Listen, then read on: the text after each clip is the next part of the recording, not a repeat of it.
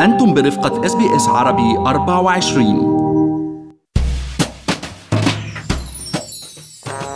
أظهرت أرقام مكتب الإحصاء الأسترالي أن معدل قيمة القرض لمالكي المنازل الأستراليين هو 380 ألف دولار. وبتتراوح قيمة الدفعات الشهرية من مدينة لأخرى وبلغ معدل الدفعة الشهرية بسدني حوالي 3000 دولار وبملبورن لل 2700 دولار. ومن ناحية تانية بيبلغ متوسط الإيجار الأسبوعي في مدينة سدني 580 دولار وبعدها بتيجي كانبرا 550 وملبورن 450 بظل أزمة كورونا وخسارة العديد لوظائفهم وعدم تمكنهم من الإيفاء بالتزاماتهم المالية من ناحية ودفعات القرض المنزلي ودفعات الإيجارات من ناحية تانية وبما أنه دفعات المساعدات الحكومية ال JobSeeker وال JobKeeper واللي حكينا عنهم بالحلقات السابقة ما بكفوا فشو العمل بهالحالة؟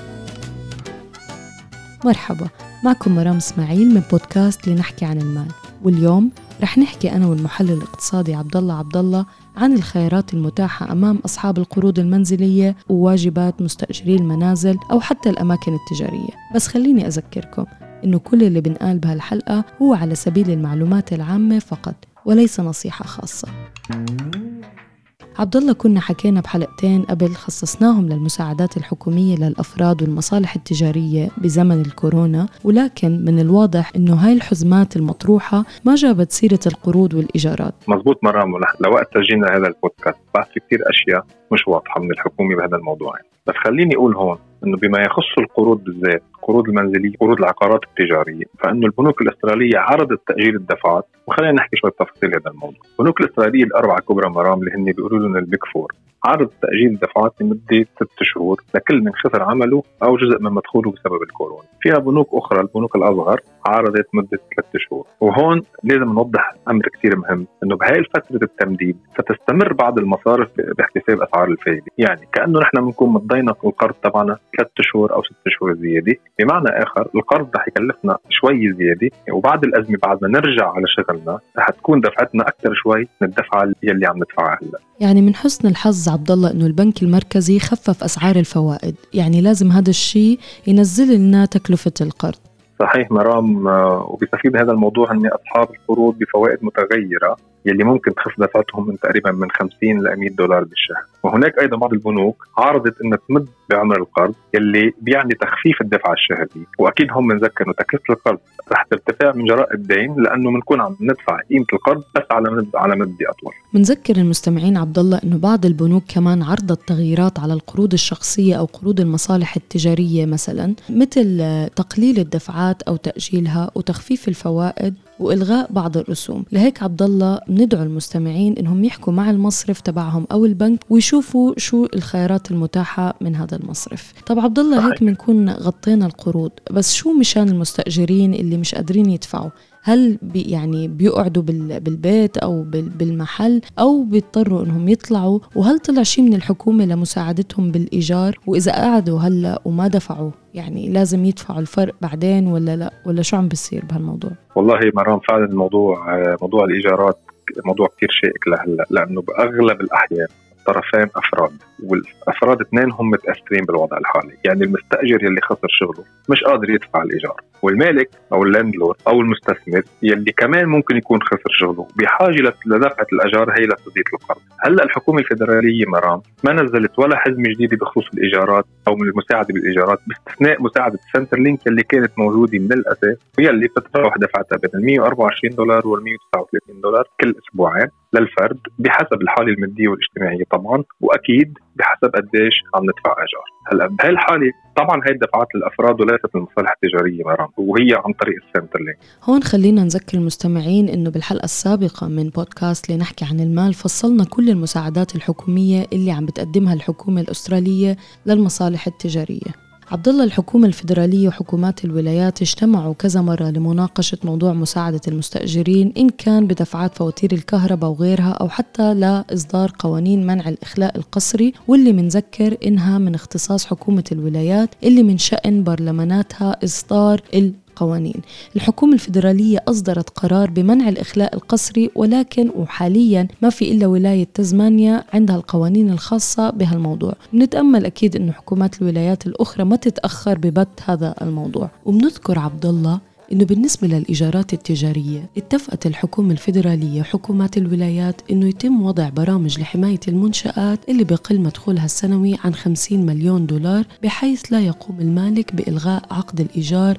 أو صرف شيك الضمان. كمان يحتم على مالكي العقار تخفيض الإيجار بنفس نسبة تأثير مردود الشركات والمصالح التجارية. بالفعل مرام تزمانيا أقرت منع الحفر للمستأجرين تحت أي ذريعة وذلك لمدة ثلاث شهور، تحت أي ذريعة يعني مش فقط عدم التمكن من دفع الإيجار، وهيك لحماية المستأجرين إنه يتم اخلاءهم تحت أي حجة ثانية، وبعض الولايات مثل نيو ساوث ويلز مثلا عرضت الحكومة بعض الإعفاءات لمالكي العقارات من بعض الضرائب مثل ال land tax إذا هن بدورهم قدموا إعفاءات معينة للمستأجرين وخاصة ليلي ما استحصلوا على أي مساعدات من المصارف آه على القرض تبعهم مثل ما ذكرنا. هلأ بعض الولايات الأخرى مرام كانت لهلأ أكرم شوي مع المستأجرين مثلا ولايه كوينزلاند أعلنت أيضا إنها ستمنع الاخلاء الإجباري من المنازل وحتدفع 500 دولار اسبوعيا على مدى أربع أسابيع لكل مين ما بيقدر يدفع الاجار. هلا هالموضوعين بعدهم إعلان وما صاروا عمليين لحين إقرار القوانين اللازمه للموضوع بالبرلمان ولايه كوينزلاند، كمان كوينزلاند عرضت تسامح مع المصالح التجارية يلي مستأجرة مباني أو محلات من الحكومة. أما في مقاطعة العاصمة الفيدرالية ال ACT عبد الله عرضت أيضا تخفيف الضرائب على المالكين إذا وافقوا على تخفيف على الأقل آه، طبعا من قيمة الإيجار بقيمة 25% للمتضررين من اللي خسروا 25 من رواتبهم أو أكثر بشرط أن لا يزيد مدخولهم السنوي عن ال 160 ألف دولار. ومن الأفكار المتداولة أيضا هي إلغاء البنود الجزائية إذا اختار المستأجر يترك المنزل وخاصة إذا نزلت أسعار الإيجارات بالسوق أو حتى إذا المستأجر حب ينتقل على مكان أقل تكلفة. وبزاوية تانية عبد الله آه، ممكن نضوي عليها هي إنه بعض مالكي العقارات مش قادرين يخففوا الإيجارات لأنها مرتبطة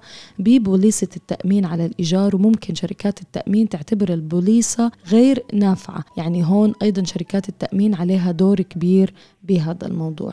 هون بنذكر آه، كمان مرام إنه بعض وسائل الإعلام قالت إنه بعض وكلاء العقارات اللي هن ال real estate agent طلبوا من المستأجرين استعمال أموال صندوق السوبر لدفع الإيجار.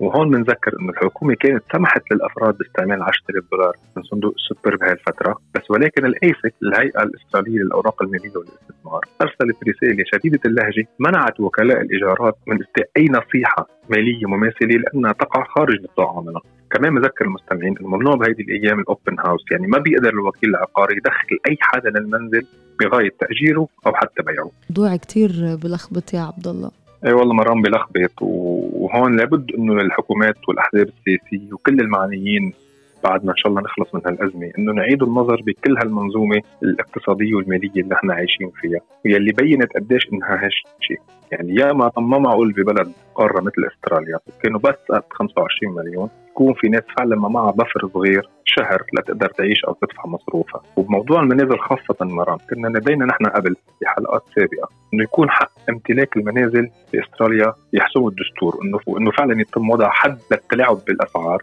لحد ما وصلت لغاية إنه في ناس كثير مش قادرة تشتري منزل باستراليا هون أيضا دور الدولة باعاده النظر في سياسة الإسكان عبر مصارف للإسكان وإيقاف الحكومات المحلية والبلديات من التلاعب بأسعار الأراضي والعقارات على بيتهم. يعني معقول يا مرام؟ ببلد كبير وواسع مثل أستراليا.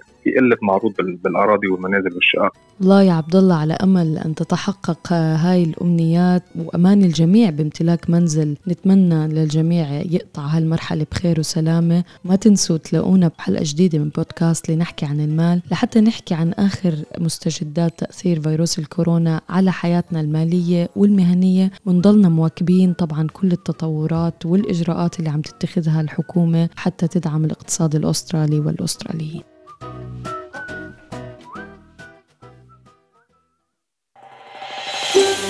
هل تريدون الاستماع إلى المزيد من هذه القصص؟ استمعوا من خلال Apple Podcast، Google Podcast، Spotify أو من أينما تحصلون على البودكاست